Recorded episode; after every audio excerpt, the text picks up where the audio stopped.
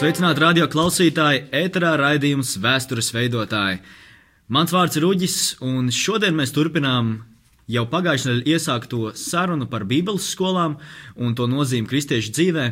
Un iepriekšējā raidījumā jūs dzirdējāt Elzu, runājam ar dažādiem jauniešiem par mācīšanos Bībeles skolā, par to, kā Bībeles skola ir ietekmējusi viņu dzīves, bet šodien man pievienojies ir Jelgavas esarsvēga draudzes mācītājs Agris Ozolinkevičs. Sveiks, Agri!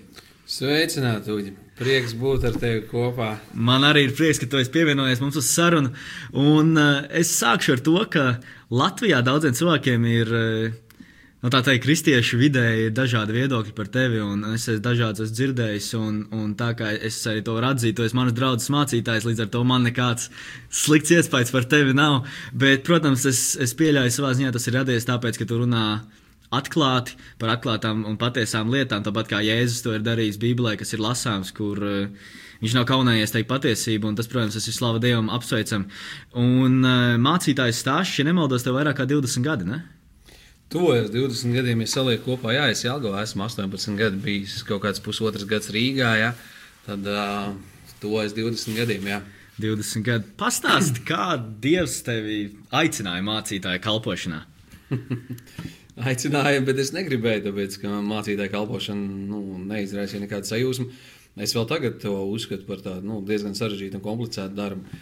Ar mācītāju darbu ir tā, ka tu viņu pa īstam nevar darīt, ja tev viņš neinteresē.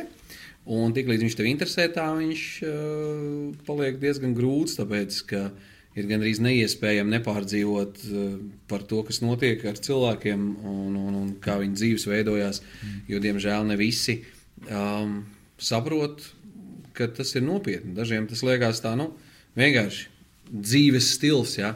Tas nav dzīves stils, ir divas iespējas. Vai nu ir nāve, mūžīgā pazušana tiem, kas ir vēlna darbos, ja, ja vēlna verdzībā, grēka verdzībā, un tad ir mūžīgā dzīvība tiem, kas ir piedzimuši no augšienes un patiesībā arī atbilstoši tam dzīvo kā dievu bērni. Ja? Uh, Jo tie, kas vienkārši stāsta, ka viņi ir Dieva bērni un dzīvo grēkā, viņi māna sevi un, un stāsta muļķības sev un visai pārējai pasaulē. Amen, tā arī ir.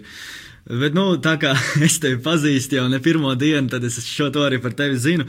Un, kad beidzot Dievs tevi pielauza kļūt par mācītāju, vai Bībeles skola tev bija tas pirmais naturālais solis, vai, vai tas bija kaut kas, kur arī Dievam bija jāpielauž? Bībeles skola un tāda parakstīšanās kalpošanā man patiesībā ir kopā, jo uh, es parakstījos uz Bībeles skolu, vienlaicīgi vēl mēģinot nu, turēt kontroli pats savās rokās, domājot, ko darīšu, ko nedarīšu. Un tieši Bībeles skolā patiesībā es izšķīros pilnībā atteikties no tā dzīves modeļa, kurā es tur pirms tam biju, jā, ar visa, visām izrietošām sekām, un izlēmu, ka, jā, ka es iešu kalpošanā. Un, uh, man arī jau no paša sākuma bija skaidrs, ka tā būs uh, pilnlaika kalpošana. Skaidrs. Un uh, kura bija pirmā Bībeles skola, kurā tu iestājies? Uh, saucās viņš Maskavas Teoloģiskais institūts. Tā bija pirmā tāda, nu, pilna laika Bībeles skola padomju savienībā, kurā reāli mācīja vasaras svētku teoloģiju. Pasniedzēja profesori brauca no Amerikas, no Assemblies of God. Mm -hmm. Ir tāda organizācija, kristīga, ja, ja nemaldos, viena no lielākajām vasaras svētku kustībām, kas ir Amerikā. Un viņi ir viena no tiem, kas daudz maz pārstāv klasisku vasaras svētku mācību. Man bija tā privilēģija, tā kā mēs bijām pirmais kurs, pir, pir vispār tikko atvērtā Vīveles skolā. Tad profesori, kas pie mums brauca, bija tādas nu, augstas kvalitātes uh, no Springfields, no Missouri. Mm -hmm. Man ir arī bijuši profesori, kurus atver Bībeli vaļā, un viņi ir redkolēģijā iekšā. Ja, kā, nu, viņi centās mūs labi mācīt. Jā. Tas, tas ir tā, kā nu baigi, baigi forši atceros, te, kad es sāku nākt šeit, tā teikt, ka Dievs, Dievs man veda pie, pie sevis un aicināja atgriezties. Tad uh, es atceros vienu jauniešu vakaru, kad tu atnāci pie mums un, un uh, nu, tā vienkārši tāpat parunāt. Un es atceros, jā, tur mēs runājām par Bībeles skolām un, un tieši, tieši es tev prasīju, jā, kur, kur tu esi mācījies un ko tu esi darījis. Un, un tas tā, tas tā baigi forši, jā, tas tā. Dzirdot to vēlreiz, tā saslēdzās kopā. Uh, bet uh, vai viss, ko tā teikt, par Bībeli un par teoloģiju tu zini šodien, vai tas lielākoties uh, tika ielikts Bībeles skolā, un arī viss tās lielākās, lielākais mērs zināšana tika ielikts Bībeles skolā, vai pa gadiem tas ir teikt, apaudzis ar, ar jaunām zināšanām no citiem runātājiem un no paša pieredzes? Es uzskatu, nu, man tā liekas, ja, ka mana straujākā personīgā izaugsme notika tieši Bībeles skolā, gan vienā, gan otrā. Un, um, tas, ko es zinu tagad, tas, ko es zinu tagad, tā jau ir pieredze. Un kristietībā vienmēr ir jābaidās. Nu, es teikšu, tā esiet piesardzīgi no cilvēkiem, kas tikai lasa lekcijas un faktiski nepraktizē to, ko viņi māca ikdienas dzīvē, pie reāliem dzīviem cilvēkiem. Jo nu, tev nav jāmaina Bībele, ja, bet tā reālā dzīve tev, tev liek pieiet tā nu, reāli pārbaudīt, vai tas, ko tu esi sapratis no Bībeles, arī atbilst reālajai dzīvei. Un, vai tas strādā? Un tad ir iespēja pārliecināties par to, kas strādā, jo Dieva vārds vienmēr strādā. Un tad arī iespēja atmest tās savas idejas, kuras tikai es iztukoju, it kā balstoties uz Dieva vārdu. Jo manas vai, vai kāda cita cilvēka idejas, viņas jau nestrādā. Viņas nestrādā tā, kā Dievs ir paredzējis, ka viņām jāstrādā. Un tad tās var atmest. Un tādi cilvēki, nu, Viņš korģē, darbs, darbs korģē reizēm tādas mm, kļūdainas izpratnes par to, kas Bībelē var būt rakstīts. Jā, jo nu, vismaz kā es to izprotu personīgi, ir arī paša pieredze, eh, ko esmu manījis, ir tas, ka bieži vien. Uh, Protams, lasot Dieva vārdu, mēs mācāmies, Dievs mums atklāja lietas par sevi un par, par uh, saviem plāniem un par savu prātu, kā tas Bībelē ir aprakstīts, bet uh, bieži vien tieši tās. Ot, Daudzreiz, kā ir teikts, ka Bībele ir tas ideālais lineāls, pret ko visu atmērīt, un uh, bieži vien tādas dažādas domas, kas ir ienākušas prātā, vai oh, varbūt, varbūt Dievs ir domājis tā, un varbūt šī raksturvieta ir jāinterpretē tā, uh, kad patiesībā uh, tieši Bībele, ir, Bībele un pieredze ir tas, kas eh, teikt, kontrolē to teikt, notur, notur tajās, tajā, uz tā šaurā ceļā, ja tā teikt.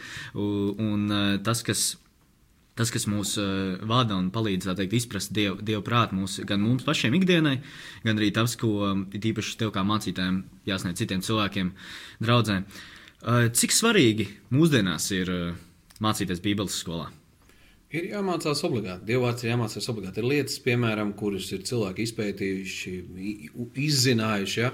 un Bībeles skolā maiņas pasniedz. Jau ātri, jau saprotamā veidā, ja es pats iešu un meklēšu informācijas jūrā, tas ir nu, gandrīz bezgalīgs darbs un process, kur tu arī nezini, vai tu pareizi aizies vai nepareizi aizies. Jāsaprot, ka Bībele skaidro jau gandrīz 2000 gadus. Mm. Tie cilvēki, kas bija pirms mums, nav bijuši muļķīgāki. Viņi bija tādi paši dievu mīloši, saprātīgi cilvēki. Viņi studēja dievu vārdu, pētīja dievu vārdu. Ja? Un, un visā šajā laikā, man viens pasniedzējs teica, viņš teica, nu, 2000 gadu laikā tās pamat patiesības jau saka, ir sapra, saprasts un ir atklāts. Saka, un ir vērts lasīt, skatīties gan vecākus autors, gan mūsdienu autors. Bet mūsdienu mūsdien tāda izteikta nelaime ir.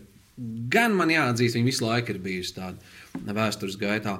Uh, ka tiem, kas māca dievu vārdu, ir um, nu, spiediens, ir vēlme uh, izpatikt cilvēkiem, un otra puse, kas traucē pareizi skaidrot dievu vārdu, ir dievu vārdu nezināšana. Ne visi, kas sludina dievu vārdu, zina, ko viņi sludina. Mm. Viņi vienkārši, un es, es to saucu savā veidā par papagaļu kalpošanu. Viņš dzirdēja, ka viens mācītājs no kancels teica, viņam izklausījās baigi labi, un viņš atkārto. Nepārbaudīs, vai tas saskan ar dievu vārdu vai nesaskan. Un, uh, mūsdienās pateicoties tehnoloģijām, jebkurš, kuram ir pieejams internets, var savu mācību padarīt publisku. Ja? Un līdz ar to kristietībai cilvēkiem ir jāzina Dieva vārds. Jo ne visi, kas māca, vispār zina, ko viņi māca. Un reizēm viņi zina, bet viņi māca tā, lai klausītājiem patiktu. Patiesībā apzināti māca muļķības, jo, ja viņi mācītu patiesību, viņi būtu cilvēkiem kaitinoši un nepatīkami. Jā, tieši, tieši tā. Un tu pieminēji arī par to, ka, nu, protams, ir svarīgi mūsdienu, mūsdien, tā teikt, ērā iet un mācīties Dievu vārdu. Un, protams, tas ir jādara arī, ka ir institūcijas, kur to var darīt, tas ir Bībeles skolas, bet tikpat labi katram ikvienam ir, ir jāmācās Dievu vārds, to lasot un, un, un lūdzot un tuvojoties Dievam.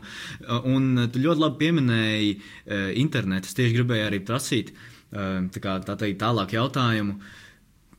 Un tā ir, ka internetā var atrast kaut kādas gan, gan labas mācības, gan sliktas mācības.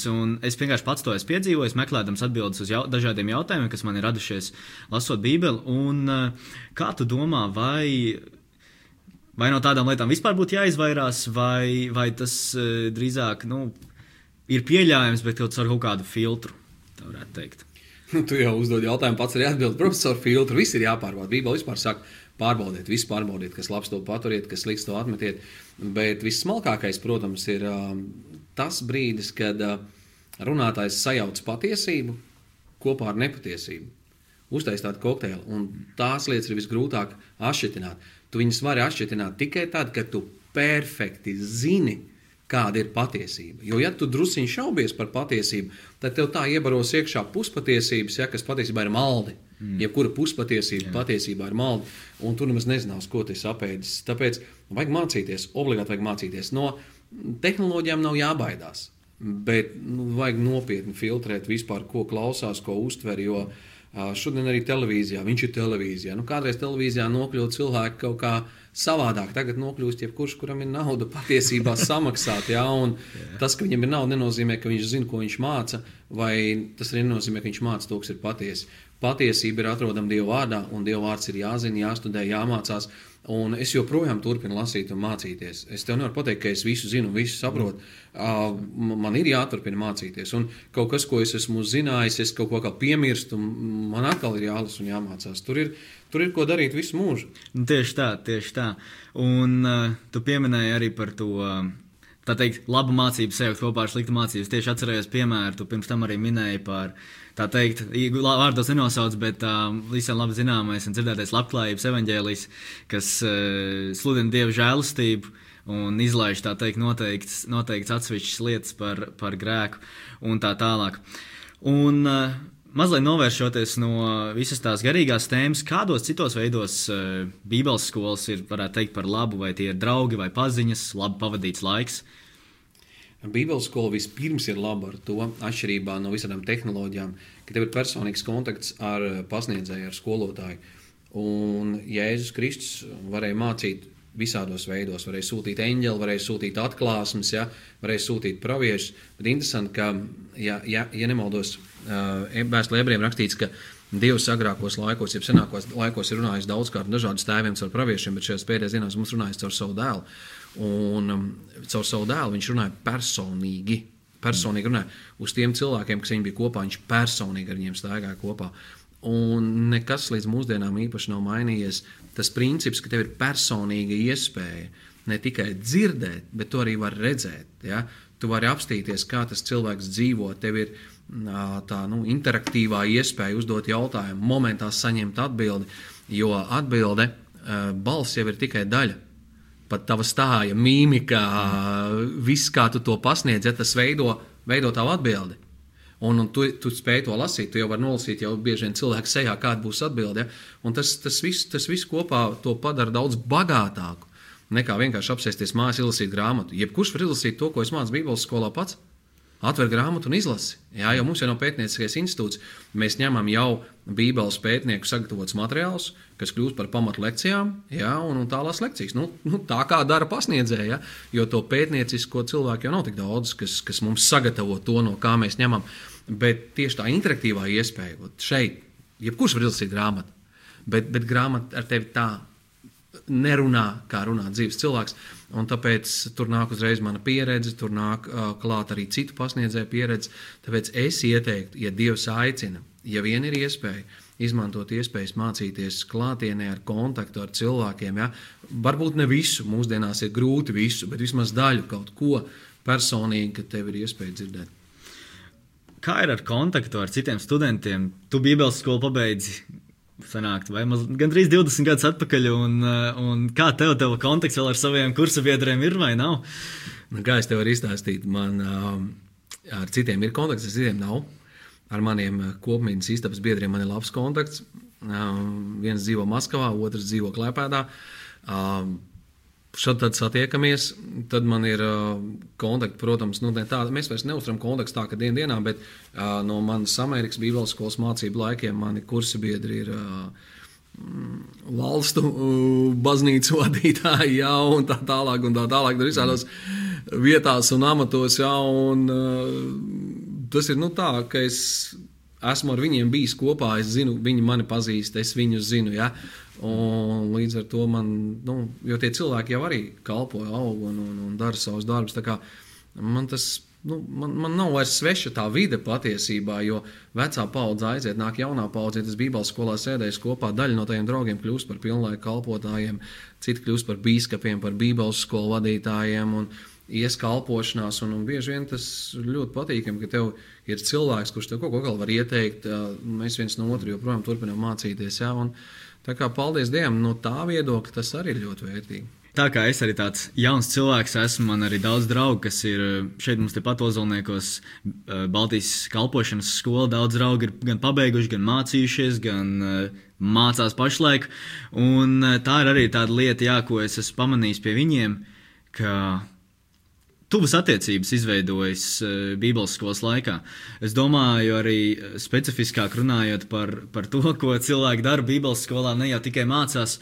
Uh, protams, tās ir. Kā tu minēji, tev bija istabas biedri, es pieļauju, bija lūkšanas, bija, bija labi pavadīts laiks kopā, un nekas jau tā nevieno kā lūgt Dievu kopā. Un, laikam tādas īstas draudzības izveidojas Bībeles skolā. Tu pavadi laiku kopā ar cilvēkiem dienā. Un uh, ne tikai lūdzu Dievu, mēs arī ēdam kopā. un, un tas arī palīdz satuvināties. Ziniet, kā tev jāsagatavo īpaši džekiem, jā, un pašiem jāuztais sev kaut ko vēl tur ēst, kaut kāds, kā tagad saka, tusiņš. Jā. Um, tas arī viss mm. satuvina kopā, un ir pat atmiņas, jā, man ir draugi, kurus es atceros tieši ēdienu dēļ jau bija problēmas ar to, ka viņš nespēja pēc tam trauks izmazgāt, ka viņš bija ēdis. Ja, tur mums, mums vienam manam labam draugam katls aizauga ar sūnu cieti, jo viņš atstāja makaronus apakšā, zina, neizmazgāts. Nu, atmiņas uz visu mūžu, es to sūnai no katla neaizmirsu. Wow! Es saku, kas tev te notiek? Nē, nu mēs, protams, piespiedām, lai viņi izmazgā beigās, bet tā kā tu ar visu kaut ko iepazīsties Bībeles skolā. Nu, jā, nu, jā. Tas, tas, laikam, tā, tas ir tāds aspekts, kas, kas visās skolās ir, ir vienāds vai vismaz līdzīgs. Bet, nu, okay. jā, tu minēji, eh, daudz runāji par to, ka cilvēki, kas pabeidz Bībeles skolas, kļūst par Bībeles skolas vadītājiem un pilnlaika kalpotājiem, un, un to es abi divi. Un eh, jautājums ir vairāk par to, kas ir tas, ko tu visbiežāk redzi studentos, kas mācās eh, tevis vadītajā Bībeles skolā un, un nodarbībās pie tevis, vai tās ir kaut kādas, tā teikt, vai viņi visi ir viena kaluma, vai tiešām Dievs aicina lielus, mazus un vecus un jaunus? Cilvēki ir ļoti atšķirīgi.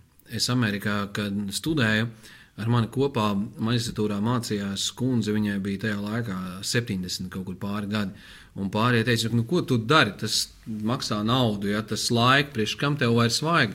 Un, bet viņa gribēja, saka, es gribu. Viņa mācījās, un pēc tam, kad viņa bija beigusi, viņa savā draudzē vadīja pensionāru bībeles studijas. Mm. Diez vai viņai vajadzēja maģistra grādu tam, bet viņa tas noteikti palīdzēja. Ja, viņa iegūst zināšanas, jau tā tālāk, viss, kas bija nepieciešams.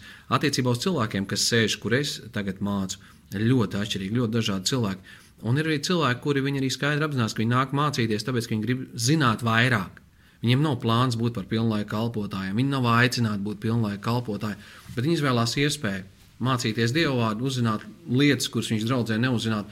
Un tad es neesmu rēķinājis, bet viens vīrs, kurš bija rēķinājis, ka tad, kad ir pilna laika Bībeles skola, ja tu sēdi nu, tur, teiksim, no rīta līdz pusdienas laikam Bībeles skolā, tad tā informācija, ko tu saņem kaut kādā nu, gada laikā, vai, vai apmēram, ja nemaldos, gada laikā, tad tev draudzē vajadzētu sēdēt desmit gadi pareiķina svētdienas sprediķis, un tu lietas kopā. Ja, ja domā, cik intensīvi, cik īsā laikā mm. tu saņem zināšanas. Tāpēc ir tādi, kas ir pilnlaika kalpotāji, ir tādi, kas nesaprot, ka viņi ir pilnlaika kalpotāji, vēlāk sapratīs. Ir mācās cilvēki, kuri jau ir kalpošanā, kuriem saprot, ka viņiem trūkst zināšanas un informācija, un ir vieglāk atnākt šeit noklausīties, nekā pašam meklēt. Nopietni. Un uzzināt uh, to, to, kas būtu būt jāuzzina. Un tad ir cilvēki, kuri nāk tāpēc, ka viņiem teica, ka ir jānāk, kāds uzrunāja. Un neviens no viņiem arī mācību laikā saprot, ev, ka tas bija Dieva prāts. Pareizi ir, ka es te atnācu, man vairs nav žēl, ka es te sēžu. Ja? Tāpēc nu, dažādi ir. Protams, ir cilvēki arī, kur kaut kur pa vidu saprot, ka viss jāmet miers, jā, jāiet projām. Nu, es uh, to neiesaku darīt kaut vai tā iemesla dēļ, vien, ka Bībelē rakstīts, ka no namturiem galvenokārt prasa, lai viņi ir uzticami. Bībelē rakstīts, tev jā, lai ir jā, tavs lai nē, nē, lai ir nē. Ja tu kaut ko izlēmi darīt, un pēc tam izlēmi to nedarīt, tad ir jābūt šausmīgi nopietniem iemesliem, kāpēc to izlēma.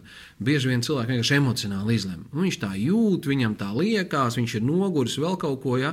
Nu, tas tā, tā, tā, tā nav nopietna argumentācija. Tā kā visdažādākie cilvēki. Man arī Bībeles skolas pirmsākumos ir bijis gadījums, kur es cilvēkam iedevu nedēļu laika izlemt, vai viņš plāno rīkoties tā, kā viņš rīkojās, vai tomēr seko Dievam nopietni, es teicu, izdomā nedēļu. Un pēc nedēļas tu man pateiksi, ko tu gribi. Un tad, attiecīgi, arī tā sāc rīkoties. Jo tas bija jautājums par to, vai viņš paliek Bībeles skolā vai nepaliek Bībeles skolā. Ja es nemaldos, viņš man teica, man nevajag nedēļu, un aizbrauc projām tās pašas nedēļas beigās, man liekas, vai, vai, vai jau tajā pašā vakarā. Ja? Kur viņš ir tagad, es nezinu. Kur viņš tagad, es nezinu, jo tur bija runas par grēku vienkārši. Un, Nu, tu nevari, nav jēgas mācīties Bībeles skolā, teoloģiju, ja tu vienlaicīgi gribi praktizēt grēku dzīvi. Tad, nu, tad tev ir jāizšķirās. Tas tas, ko es viņam piedāvāju. Tā kā visdažādākos cilvēkus esmu redzējis. Ir arī tādi gudrīši, kas man lekciju laikā nepārtraukti mēģina ar mani komunicēt, sarunāties. Ja? Nu, tie ir bijuši egocentriski cilvēki, jo viņi traucē pārējiem. Ja? Jo uzdot jautājumus jau nav māksla. Tev var būt vienmēr 10, 20, 30 jautājumus, var prasīt bezgalīgi. Un bieži vien prasa tikai tāpēc, ka nespēja paciesties, kamēr nonāks līdz tai lietai, kas ir vajadzīga, ko, ko izmācīs, ko uzstāstīs. Ļoti dažādi cilvēki. Es pats arī Bībeles skolā esmu dažādi uzvedies, kad biju kā students. Tā kā tādu tas ir. jā, jā, un uh, daudz minēja par, par cilvēkiem un par, uh, par to, kādi mācās. Un, uh, Tas nav noslēpums, ka Bībeles skola ka tas ir uh, liels izaicinājums. Piemēram, tā jau pat jau minētā Baltijas kalpošanas skola cilvēkiem ir. Teikt, uz gadu savu dzīvi jāatliek malā, citās Bībeles skolās pat ilgāk, jāatliek malā un jāiet un jāmācās, ja Dievs uz to aicina. Un, uh, vai Bībeles skola ir priekš ikvienu?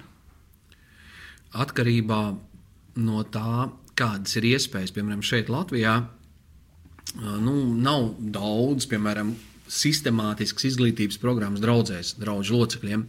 Līdz ar to cilvēkam, kurš gribētu kaut kādas sistemātiskas bībeles zināšanas iegūt, viņam gan drīz vai neizbēgami ir jāiet uz bībeles skolu. Bet nav visiem jāiet uz bībeles skolu. Visiem ir jāsako Kristum. Amen. Amen. Visiem Amen. ir jālasa dievvvārds, jā.